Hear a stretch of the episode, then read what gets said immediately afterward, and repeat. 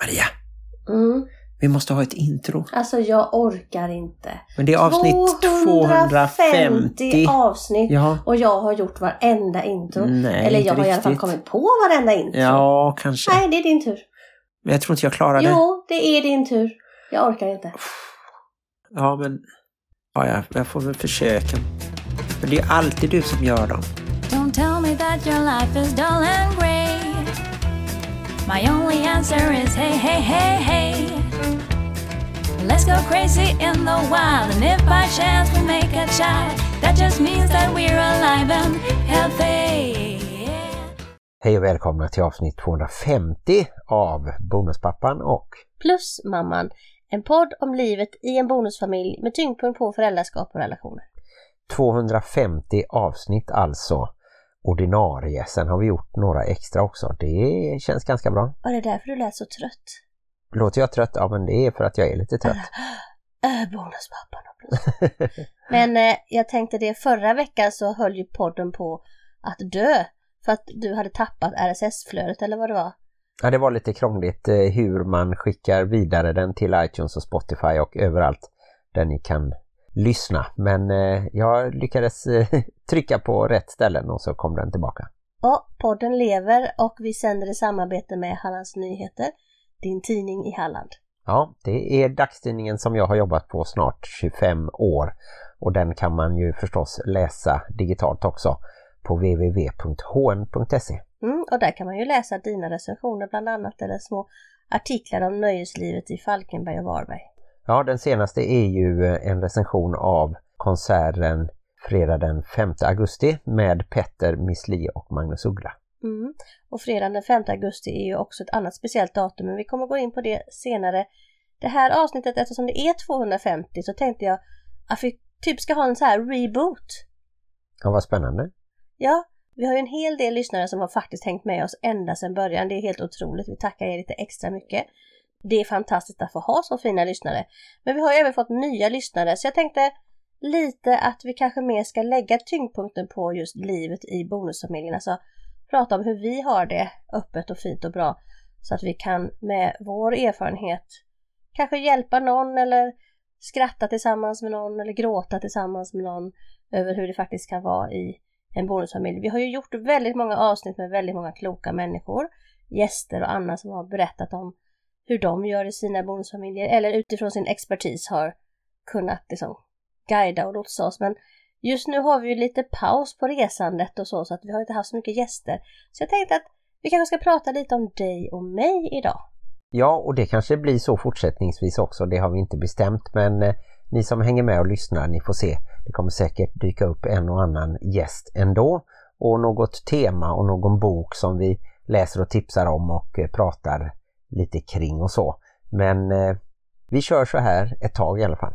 Ja, och eh, vi kan ju börja med att presentera oss. Jag är ju då Maria Erlandsson och jag har ju också varit Maria Åkesson, Maria Melin och Maria Åkesson igen och sen Maria Erlandsson. Och det beror ju på att jag har gift mig två gånger. Jag har dessutom fått fyra barn med två olika män och ingen av de männen är Martin. Nej just det, för minstingen fick du under ett särboförhållande som var ungefär sex och ett halvt år. När du inte var gift. Och Martin kan glädjesamt meddela att han nu har slagit det rekordet. Det Ja, sa han det. häromdagen. Nu har ju vi snart varit ihop i sex och ett halvt år med lite marginal.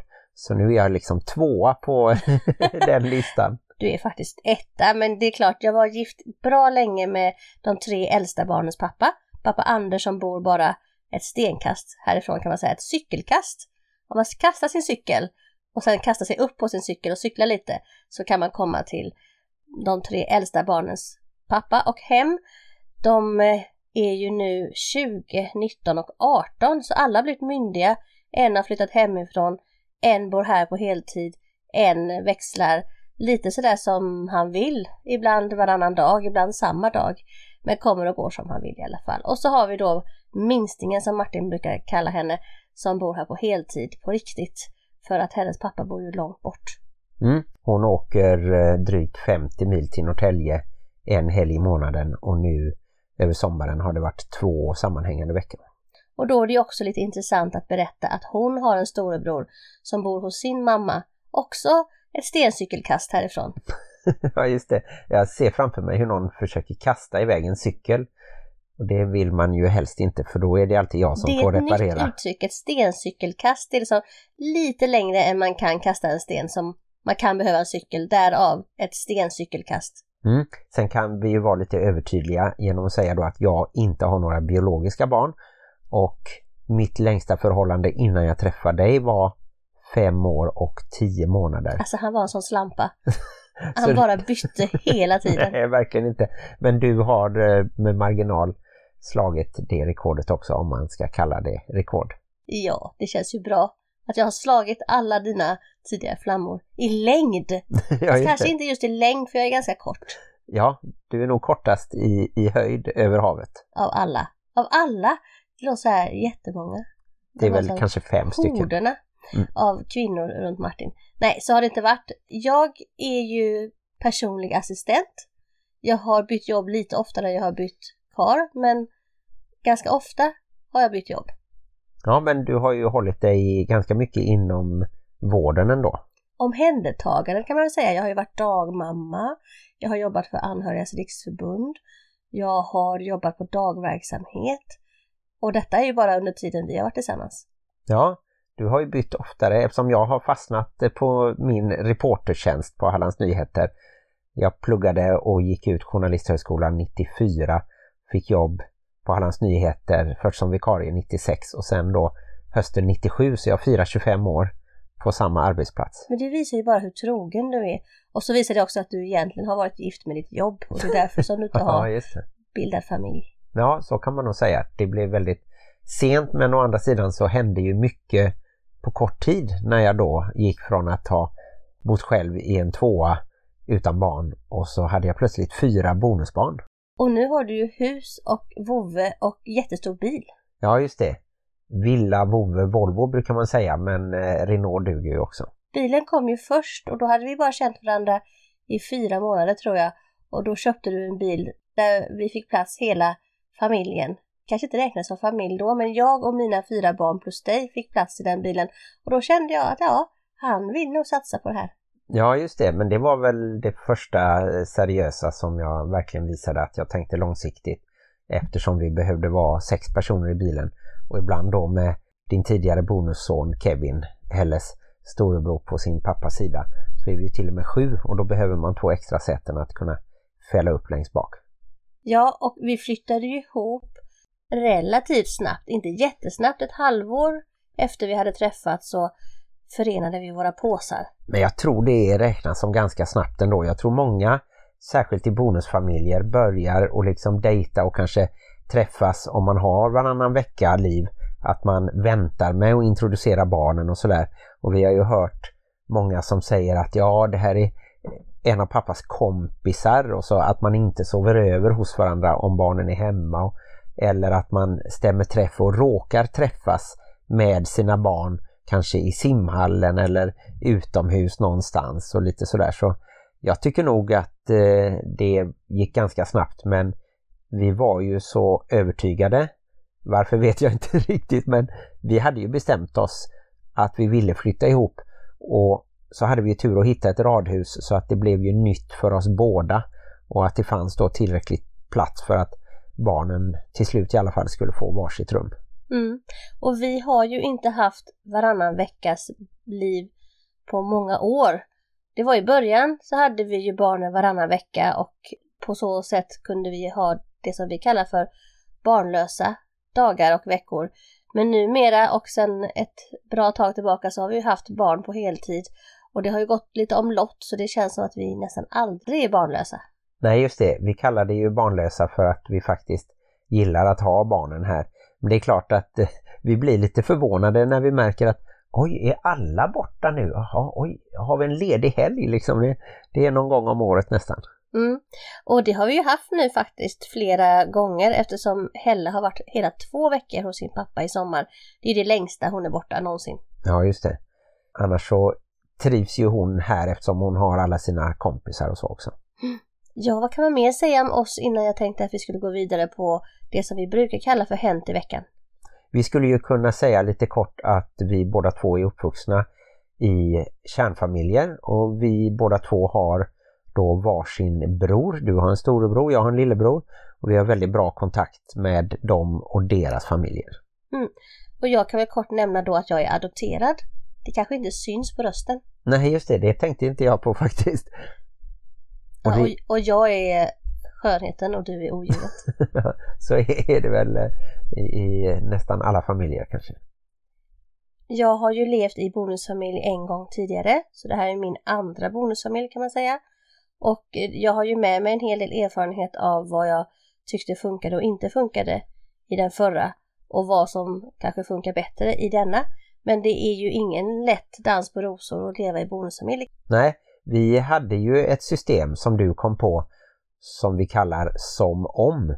Och det var att vi skulle leva som om vi var en kärnfamilj. Att jag så fort som möjligt skulle ta halva ansvaret vad gäller då det praktiska och ekonomin och sen även försöka med det känslomässiga men det är ju svårare och där har jag fortfarande inte kommit upp i hälften och framförallt inte på din nivå eftersom du är, tror jag, extra kärleksfull mot eh, barnen. Det kan ju vara för att jag är deras mamma. Ja.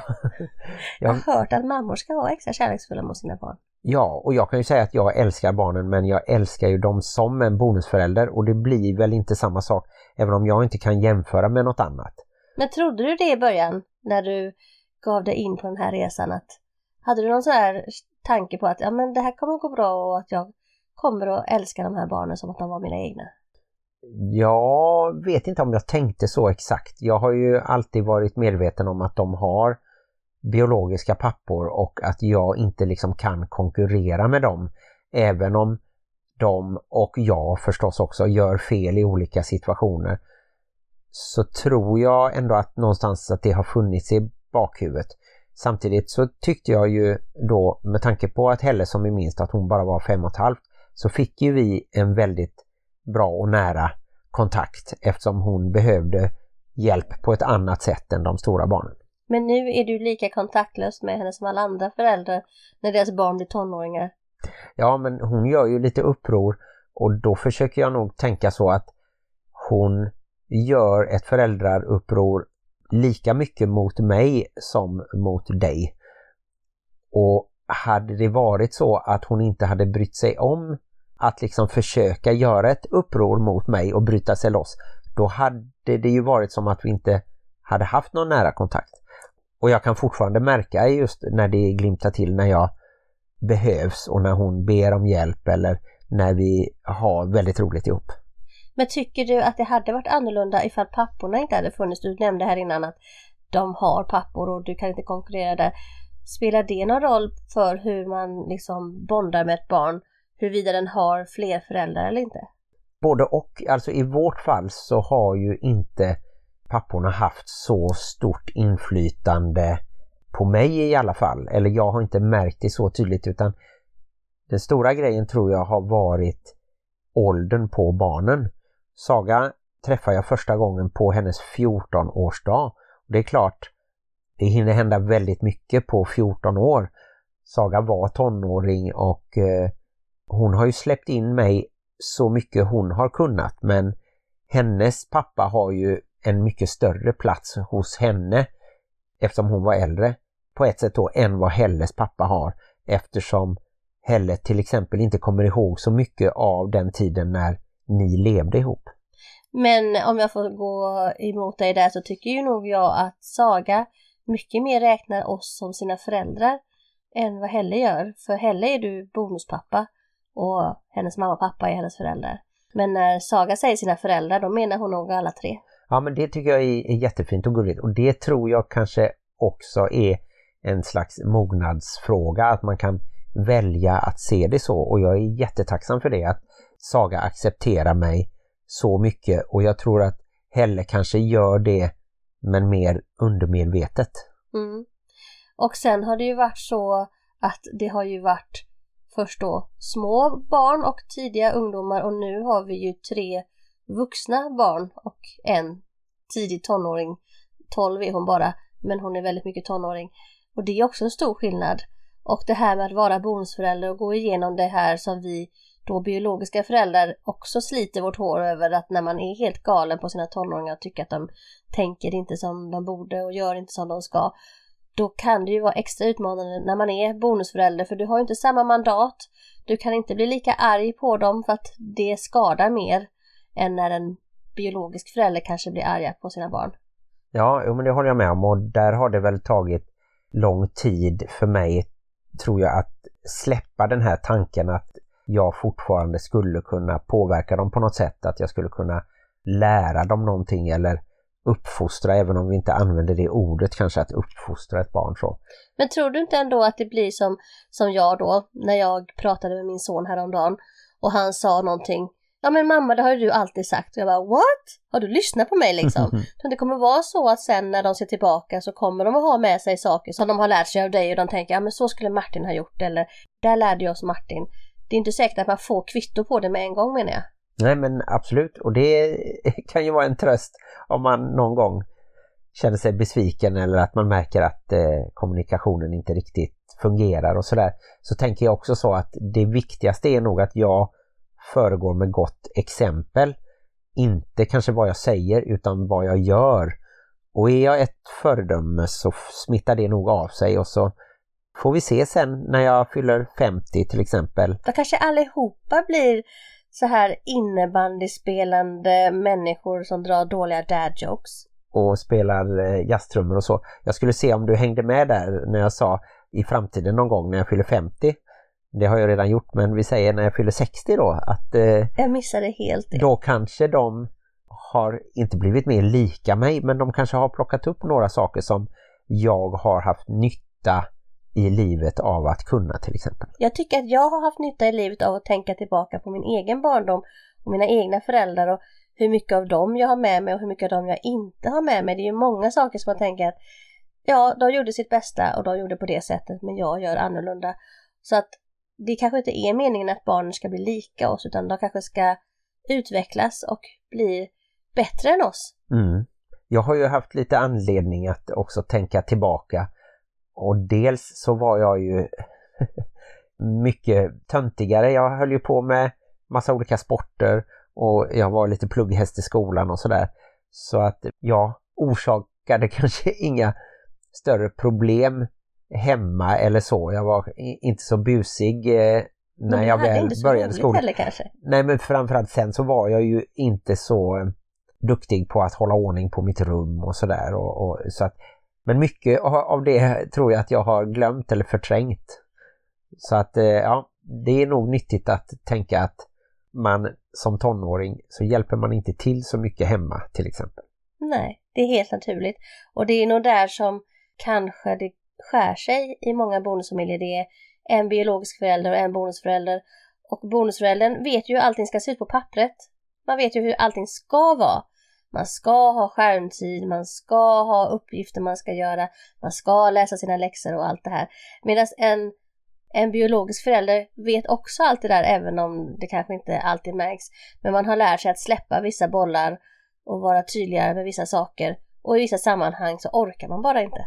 Nej, så är det väl och eh, kan man ha några grundläggande värderingar och sådär som man återkommer till som att ärlighet vara längst och att eh, barnen alltid ska kunna känna att de kan komma till oss och om de har gjort något dåligt eller misslyckats med någonting så kan de alltid be om ursäkt och då vet de att vi förlåter dem och att vi hjälper till om de har hamnat i någon slags knipa eller så. Ja, och den här resan som snart börjar närma sig sju år har ju också inneburit nya kunskaper om oss själva som människor och om våra barn. Det har ju kommit diagnoser bland annat på barn som vi inte visste om när vi träffades och det har ju också betytt saker. Ja, nu börjar jag tänka på, har jag fått någon diagnos? Men det, det äh, Den är inte ja. fastställd men eh, du skulle säkert få någon ifall man gjorde en uträkning. Nej, man ska inte skoja om sånt. Vi har ju fått ett barn som har autism och autism föds man ju med. Det är inte så att man plötsligt drabbas av autism. Nej, och autism är ju någonting som man behöver lära sig kanske extra mycket om och det ingår ju även i det här LSS, lagen om stöd och service, räknas som ett neuropsykiatriskt funktionshinder så att man kan få hjälp och det påverkar ju hela vardagen på olika sätt. Så det har ju inneburit eh, lite nya situationer för oss. Mm. Men kunskap är makt och jag tycker att det har känts mycket bättre när man vet saker. Jag kommer ihåg när jag har stått och liksom inte alls förstått hur tänker den här personen? Och nu har jag lärt mig. Jaha, det, den här personen tänkte precis så här, det är bara jag förstod inte det. Ja, ibland kan det ju vara väldigt bokstavligt tolkat av den som har autism. Eller så kan det finnas en egen logik som inte vi riktigt ser. Och då kan det bli lite missförstånd. Men jag tror ändå att vi har blivit lite bättre och att vi lär oss saker allt eftersom. Mm. Och det var väl kortvarianten av vårat sex och ett halvt år tillsammans i bonusfamiljen med både högt och lågt. Och vill ni veta mer så får ni lyssna på de 250 avsnitten vi har spelat in redan nu helt enkelt. Eller skriv gärna till oss och fråga, för det får ni jättegärna göra. Ni kan alltid nå oss via våra sociala medier, Facebook och Instagram. Är det bara att söka på Bonuspappan och Plusmamman. Och på Facebook finns även Bonusfamiljernas diskussionsgrupp där det nu är över 800 medlemmar och där kan man antingen skriva en fråga själv, även anonymt, eller gå in och svara på någon av frågorna. Det finns många spännande bonusfamiljsrelaterade problem och eh, jag tycker det är en väldigt eh, bra och fin diskussion där med många goda råd. Mm. Och avsnitten kommer från oss varannan vecka, det sa jag kanske inte innan. Men varannan tisdag så kan ni lyssna på hur vi har det i vår vardag.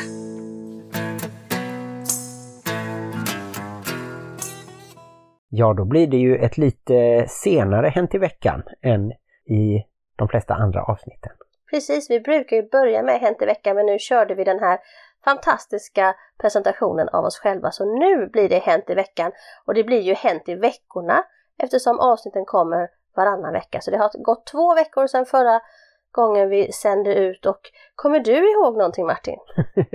jag kommer ihåg de senaste dagarna i alla fall och att det har varit två arbetsveckor för oss båda. Ja, jag minns kanske förutom det som hände den här senaste veckan att min kompis Sofia kom och hälsade på med sin lilla dotter juni. Just det. Hon har tre barn men hade en liten roadtrip med sin yngsta. Och Juni blir ju väldigt förtjust i Parker. Jag tror hon hade gråtit hela vägen hem för att hon var tvungen att skilja sig från honom. Ja. Så därför kommer vi att träffas en gång till senare i sommar. Så det ska bli mysigt. Mm. Och då var det som så att jag egentligen var bortbjuden på en grillfest till mitt pokergäng. Och när jag sa att jag är hemskt ledsen men jag kommer att dissa er för att min kompis, jag har ju känt Sofia sen vi gick på mellanstadiet, eller högstadiet är det nog. Och vi ses kanske inte så ofta. Jag brukar inte vara så att jag dissar folk för andra. Men jag mm. kände ändå att Sofia är högst i rang när det gäller att ta min tid. Men då sa Alf att ja men kom allihopa. Så vi, jag och Juni och Sofia åkte hem till Alf och grillade och det var väldigt mysigt. Och jag gillar det där, jag gillar när man blandar. Det är kanske därför jag faktiskt trivs i bonusfamilj. För det är en väldig blandning av människor och ju fler människor som är med tycker jag att det är ännu mysigare faktiskt. Mm. Och jag minns ju av mina jobb särskilt ett och det var att jag för första gången hörde Sven-Ingvars live. Det kända dansbandet som egentligen var ett eh, popband först och nu leds av Sven-Erik Magnussons son Oskar. Och det var faktiskt eh, mycket bättre än jag trodde. Mm. Om jag ska minnas mina jobb så minns jag kanske att jag har jobbat tillsammans med vårt mellanbarn Gin som har haft eh, både ett diskjobb och även ta emot biljetter jobb i sommar där jag har liksom assisterat lite vid sidan om.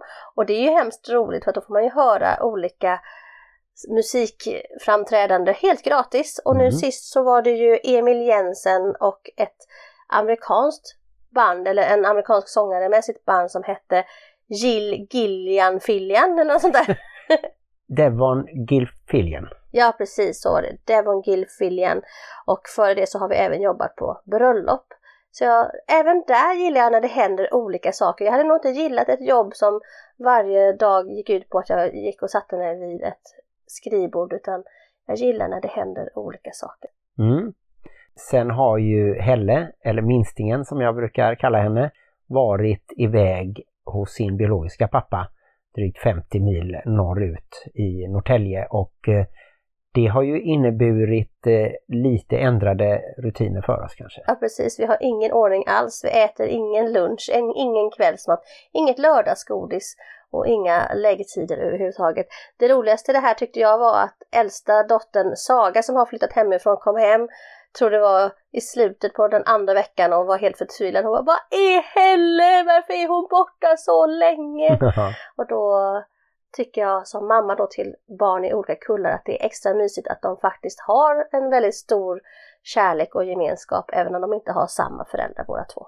Mm. Saga har ju själv varit eh, borta på det här Närkon, ett stort konvent för eh, cosplay och liknande. Jag tror du skulle säga för helt galna människor. Men det är väldigt härligt och ambitiöst och hon eh, ställde både upp i att tävla i cosplay och så hade hon en dansuppvisning tillsammans med en kompis också. Och eh, de hade väldigt kul och jag känner så att det hade varit kul att vara där. Att vara en fluga på väggen på det konventet. ja. Det verkar underbart. Sen det största som har hänt de här två veckorna är ju då begravning för min mamma. Vi har ju pratat om det i ett annat avsnitt.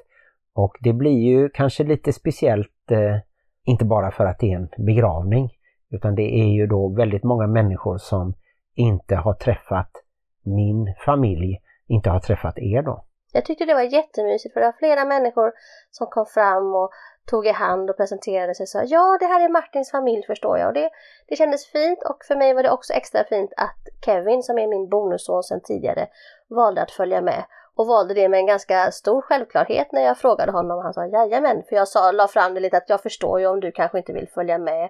Det är ju en begravning, det är inte alldeles sådär bara yay, jag följer med på en begravning. Men han följde med och var så fin och det glädjer mig alltid att få se alla mina fem barn på samma ställe. Ja just det och det tänker jag också att eh, Kevin ändå har varit med på en del släktkalas och har varit med när vi har åkt till mina föräldrars sommarstuga till exempel. Så jag är jätteglad också att han kände att mina föräldrar räknar in honom och att han då tyckte att det kändes okej okay att vara med på en begravning där vi skulle ha ett väldigt ljust tema och där vi kallade det minnesfest till och med.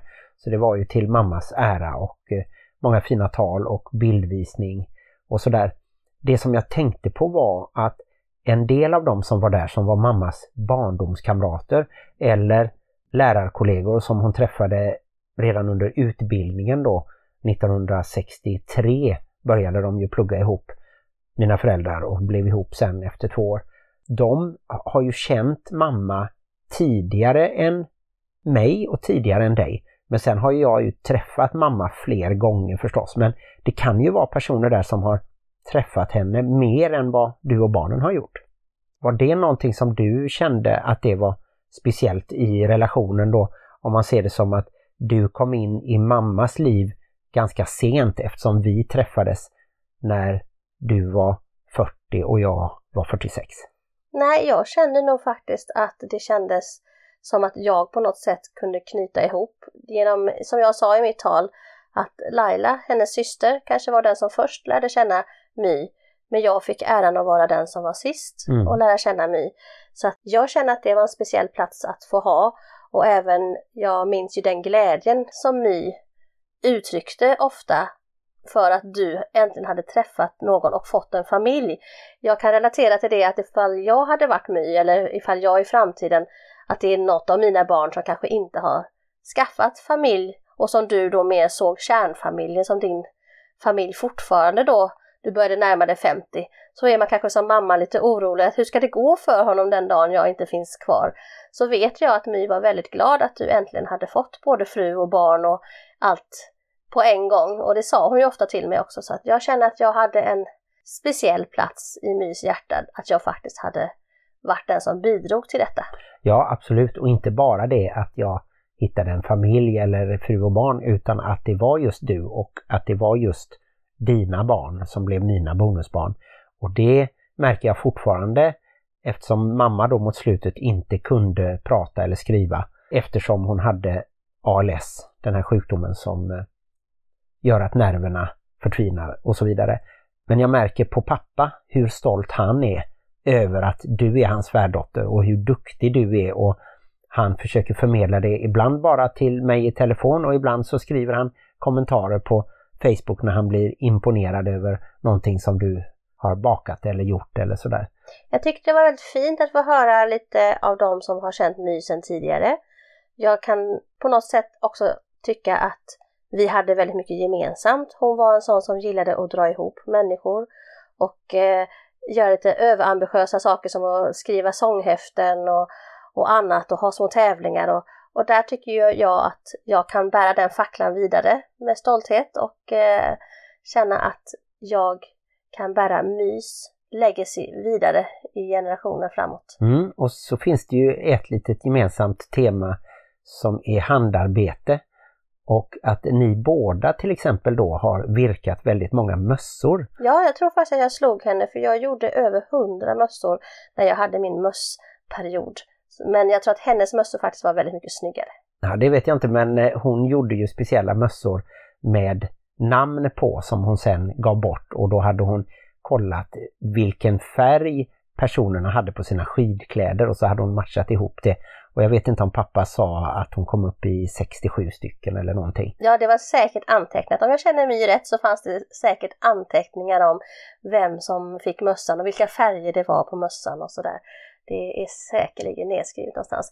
Men om vi ska komma tillbaka till det här med att vara en ombildad familj i ett sånt här sammanhang som en begravning så tyckte jag att det var fantastiskt fint när du i ditt tal sa att jag kan önska att mina barn hade fått lära känna min mamma mer. Och då sa du mina barn väldigt naturligt och fint och det, det värmde mitt hjärta i alla fall. Ja, jag vet inte om jag tänkte på det så mycket men just i det sammanhanget så finns det ju inga andra barn och jag tycker att det är onödigt att säga bonusbarn eller då plusson till Kevin eller så utan de var där i egenskap av våra barn och eh, jag ser dem gärna som mina barn och eh, jag vet hur uppskattade de var av mamma och eh, jag tycker att det som sagt var väldigt fint att de var där och verkade kunna hantera det. Man blir ju ledsen i olika sammanhang.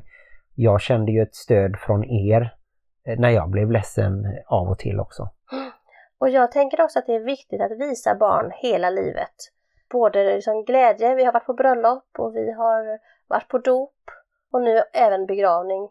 Om man hyschar så att gömmer undan vissa saker av livet så blir det som hål som behöver fyllas av någonting och jag tycker att vi har gjort ett bra jobb att visa att det går att vara ledsen, det är okej att vara ledsen, det är okej att inte vara ledsen, det sa vi ju också man vet inte hur man reagerar. En del människor gråter, en del människor gråter inte och det är inte finare eller fulare vilket man gör eller inte gör. Det kan ju också vara så att om man är bonusbarn har man inte varit med sedan födseln på samma sätt. Man kanske inte har samma känslor. Men att olika känslor är helt okej. Okay. Absolut.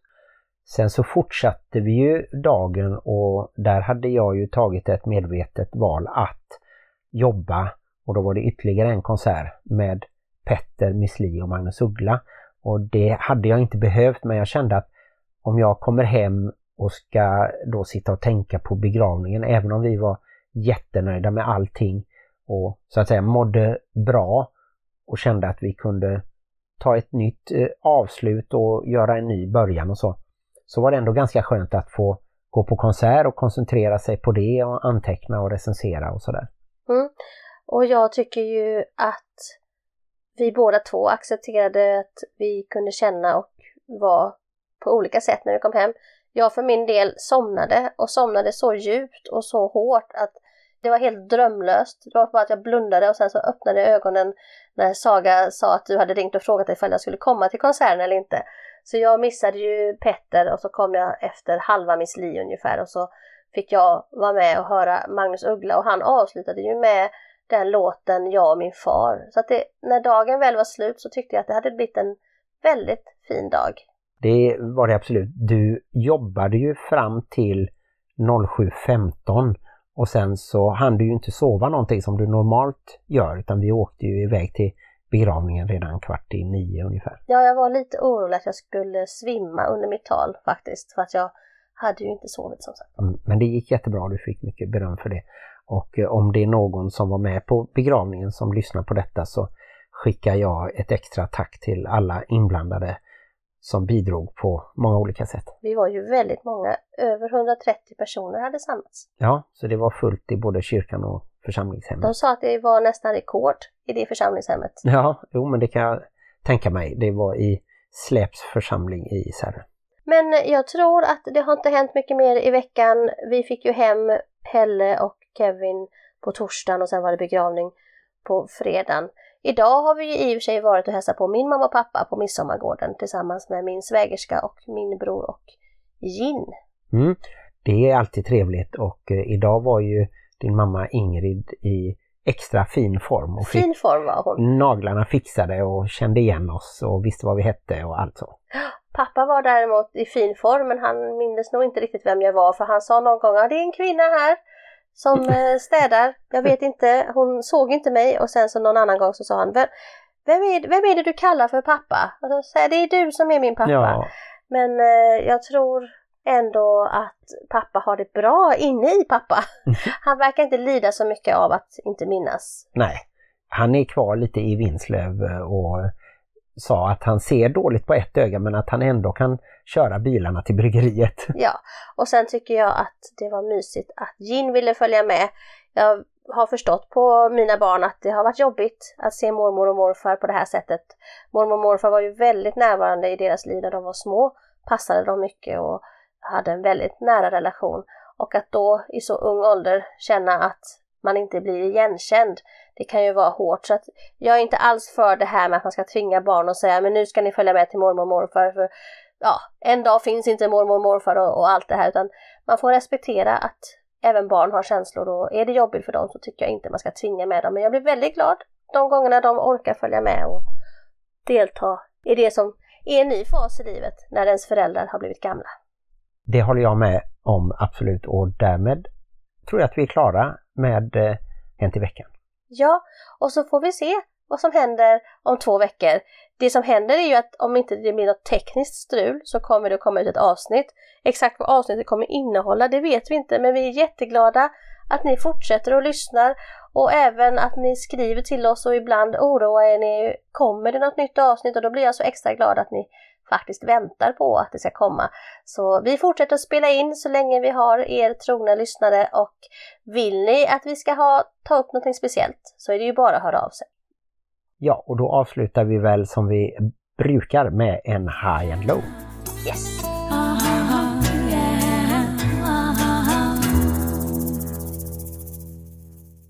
Vi kanske ska börja säga hög och låg. Varför säger vi high and low egentligen?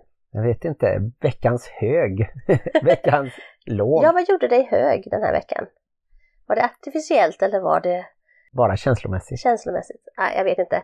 Vill du börja eller vill Jag kan du börja. tänka? Med eh, det låga och så kan jag avsluta med det höga. Och det låga var när ett av barnen, vi behöver inte säga vem, ljög för mig och det är ju någonting som vi försöker säga ofta att även om ni har gjort något dumt, berätta om det så lovar vi att förlåta er.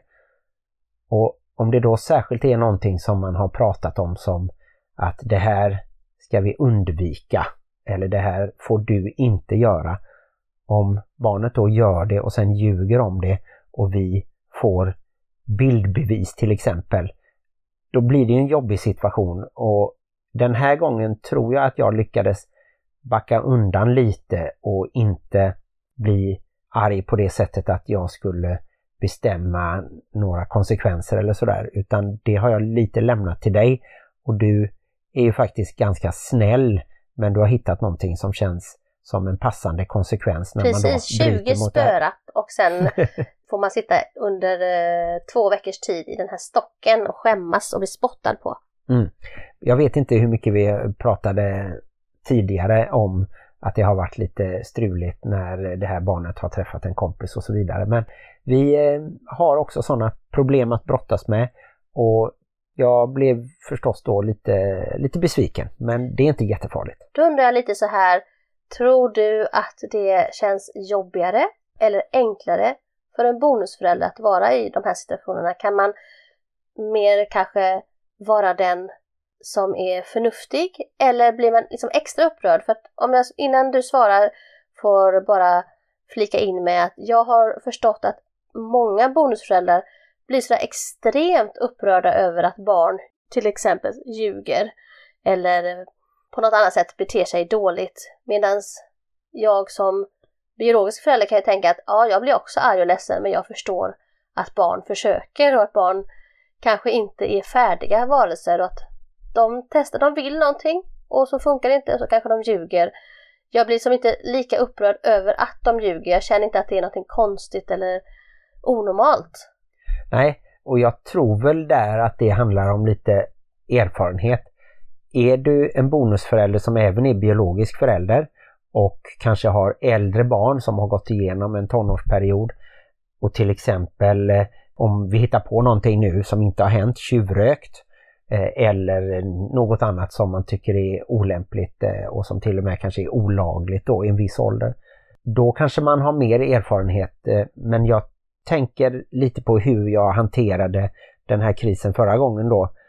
Då när ett barn hade snattat och blivit upptäckt. Då tyckte ju du att jag hanterade det på ett bra sätt och att jag kunde prata med det här barnet och inte bli jättearg utan ha en viss förståelse för det. Och lite så tänker jag väl att det är nu också att eh, det är bra att vi markerar, att vi visar att vi inte tolererar det här. Men samtidigt så är vi ju inte några sådana som kör med eh, straff och belöningar. För att i längden fungerar inte det systemet heller. Men har man bestämt någonting så är det inte så konstigt att det får någon slags konsekvens. Men inte liksom att ha ett jättehårt straff. Det tror jag inte funkar ut i samhället heller. Att man ska ha jättehårda fängelsestraff det undersökningar visar att det minskar liksom inte antalet brott eller hur grova brott man begår. Mm. En annan sak just i bonusfamiljssammanhang kan ju vara att bonusföräldern tycker att den biologiska föräldern är för slapp och att det på det sättet kan bildas en eh, liten spricka mellan de vuxna. Jag tycker att det är viktigast kanske att man pratar om sånt där barnen inte hör man kanske säger att ja, men jag tyckte att du var lite slapp och så kanske den andra kan säga ja men jag tycker som du då säger att ja, men straff och belöning inte är vägen att gå. Men sen kanske man som bonusförälder lite får acceptera att den biologiska föräldern har det högsta mandatet. Absolut och där tror jag att jag i så fall landar i att jag kanske skulle vilja ha lite fastare eller tydligare grundregler eller liksom husregler. Att det här gör vi eller det här skulle man kunna hjälpa till med eller sådär. Men jag försöker ju acceptera det att vi har det ja, så som vi har det, att barnen har en ganska stor frihet och att vi inte är, går in på deras rum och säger åt dem att de ska städa och sådär. Nej men det är för att jag själv har upplevt att jag var ett stökigt barn och jag blir ofta tillsagd att städa. Och jag tycker inte att det är så viktigt egentligen om de vill leva i skit in i sitt rum, det är okej, okay, men vi håller snyggt och rent. Det var ju också skämtsamt sagt, men vi försöker hålla snyggt och rent i de gemensamma utrymmena ändå. Att gå och störa sig på att ett barn har stökat inne på sitt rum, det, det är egentligen en sån här gammal sak som föräldrar har gjort i alla tider som egentligen inte spelar någon roll. Utan jag tycker det är viktigt att man är en snäll och hedlig människa, att vi då inte ljuger för varandra för det första och även att man inte skadar varandra genom att säga elaka saker och sånt. Där har jag ju en mycket tydlig linje tycker jag i alla fall. Att det är sånt som jag tycker är viktigt. Det var väldigt viktigt för min mamma att det skulle vara ordning och reda och städat. Och jag tänker att det gjorde henne mest vara olycklig. Ja, och det jag också tänkte säga var då att jag har inget emot att konsekvensen av något som är felaktigt eller någon som bryter mot något som vi har bestämt den konsekvensen måste inte vara hård. Så har jag aldrig varit, tror jag. Så att eh, det är ju liksom två lite olika saker. Vad man bestämmer innan eller vad som händer efteråt om det har blivit fel. Men jag kan gå vidare direkt till min haj som är lite tvådelad. Men en del var att det här barnet faktiskt på eget initiativ bad mig om ursäkt och sen, eftersom du var på jobbet, även sa det till dig tror jag när ni väl träffades. Och det är ju ett stort plus, särskilt eftersom jag själv är dålig på att be om ursäkt förbehållningslöst. Jag vill gärna, när jag har gjort fel, berätta lite varför. Och då minskar ju det kanske effekten av ett rejält ursäkt. Så att barnet sa förlåt tycker jag är en av de här höjdpunkterna. Och sen konstigt nog också kanske så ser jag hela den här begravningen som en slags höjdpunkt just för att det blev precis så som vi hade hoppats och så som mamma själv hade varit med och bestämt ihop med pappa. Och det känns som att eh, det har liksom kunnat starta en läkningsprocess och ett bearbetande. Mm. Och min low, om man ska börja på det låga, är en sån där helt vanlig sak som vi kanske ofta tar upp och det är det här att jag tycker det är så jobbigt att vara snubben i mitten. Alltså, jag är den som får höra från dig då som du är bonusförälder, hur jobbigt du tycker det är att vara bonusförälder och sen så får jag höra från barnen hur jobbigt de tycker det är att vara barn. Och på något sätt så får jag ju någon sån här vilja att göra alla nöjda och glada och det är helt omöjligt och kanske ännu omöjligare i en bonusfamilj och där gillar jag inte att vara. Och det var väl en händelse nu någon gång under de här två veckorna när ett av barnen ville ha nya kläder till begravningen och jag tyckte liksom att vad härligt att barnen vill följa med på begravningen och jag vill inte liksom göra det till en jobbigare sak så jag tyckte att japp, självklart ska barnet få ett par nya byxor till begravningen och sen så var jag ju dum nog då som jag tycker då i efterhand att säga det till dig annars hade jag bara kunnat betala de där byxorna så hade du aldrig någonsin fått veta det. Men eh, nu fick du veta det och då tyckte du att va? Han har ju ett par byxor, varför ska han ha ett par nya byxor och bladi bladi. Och jag blev då så trött liksom. Jag bara åh! Då kände jag så här, kräk på bonusfamiljen tyckte jag då. Ja, vi behöver inte diskutera det mer men eh, det fanns också en viss del av missförstånd i det hela. Ja, men det kommer sådana saker ibland som gör att jag känner att jag vill bara att alla ska vara glada, mjuka och härliga medan barn är barn och bonusföräldrar är bonusföräldrar. Och ibland blir jag bara så trött på det. Ja, det är okej, du får vara trött. Du får ha en haj också. Nu kommer min haj och den är ju roligare såklart och eh, det är också så att det handlar om begravningar. Martin och jag är lite morbida, vi gillar begravningar tydligen. Va? Nej, alltså båda två tog begravningen i sin haj. Men jag tycker det var fint, jag känner mig väldigt stolt och glad och härlig att alla mina barn, även då mitt bonusbarn sedan tidigare, var med på begravningen och att vi i alla fall i vår lilla gemenskap hade en fin stund där vi mindes My på vårt eget sätt och barnen fick visa sina känslor och barnen fick ha på sig vilka kläder de ville. Jag har alltid varit en sån att jag tycker att man ska vara bekväm och må bra. Man ska inte ha obekväma kläder när man är i andra jobbiga situationer överhuvudtaget. Som att mina barn tycker ju ibland att det kan vara jobbigt att träffa massa, massa människor. Det var det ju där.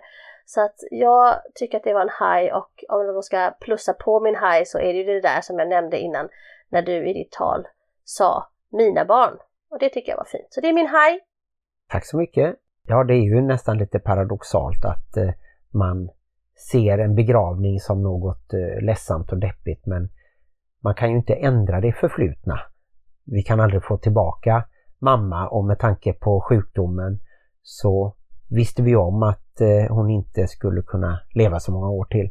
Så det var verkligen en, en fin stund som eh, vi kommer minnas också som en del av hela den här processen. Jag tänker att alla ska ju dö. Så att ett lyckat liv är ju ändå ett liv där många minns dig med glädje och skratt och kan berätta roliga historier eller fina minnen. Då kan man ju säga att ja, men då har jag levt väl och det kan man ju verkligen säga att My har gjort, levt väl när så många människor kom för att hylla det liv hon levde. Inte att hon var död såklart utan minnas henne som eh, den glada, sprudlande, energirika människa hon var. Mm. Det är ju någonting som är fantastiskt med mina föräldrar när jag ser på deras liv. Hur många människor de har berört och sen kunnat då hålla fast vid genom olika tidsåldrar så att säga. De har eh, ju flyttat runt i början när de precis hade blivit lärare och sen så har de träffat nya människor och, som har blivit goda vänner och de har rest mycket tillsammans och, och gjort andra saker. Och eh, ofta var det mamma som till exempel beställde biljetter till lunchteater i Göteborg och drog ihop ett litet gäng. och eh, höll koll på det och finns det ingen som tar de initiativen då kan ju ett kompisgäng tunna sig ut. Och jag märker ju det lite att när jag inte hör av mig till en del kompisar så hör de inte av sig heller och då tyvärr så blir det ju inte att man eh, håller ihop på samma sätt. Nej, och jag märker det att jag drar ihop folk och då kan man ha väldigt kul tillsammans och det ska vi ha nästa vecka. För då kommer vi vara 16 personer i en liten sommarstuga i Småland. Så det måste ni ju lyssna på om två veckor hur det gick. Och då kommer vi ju även kunna prata lite om din kusinträff som är helgen efter på samma ställe i sommarstugan utanför Vetlanda. Men det blir nästa avsnitt. Nu är det dags att säga så här. Glöm inte att livet i... Eller ska vi ha någonting med... Nej, vi har redan nämnt Facebook allt det. Ja. ja. Glöm inte att livet i bonusfamiljen kan vara besvärligt. Men också härligt. Hej då! Ja, det ska bli spännande att lyssna på det här avsnittet för jag vet inte om vi sa någonting vettigt.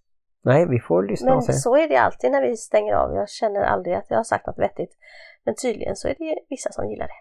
Vad tycker du förresten att i din moped, är det en high eller low just nu? Det är en väldigt low för att den startar inte. Det är något fel på batteriet men eh, jag kanske ska sätta det på laddning nu då. Gör det. Okej.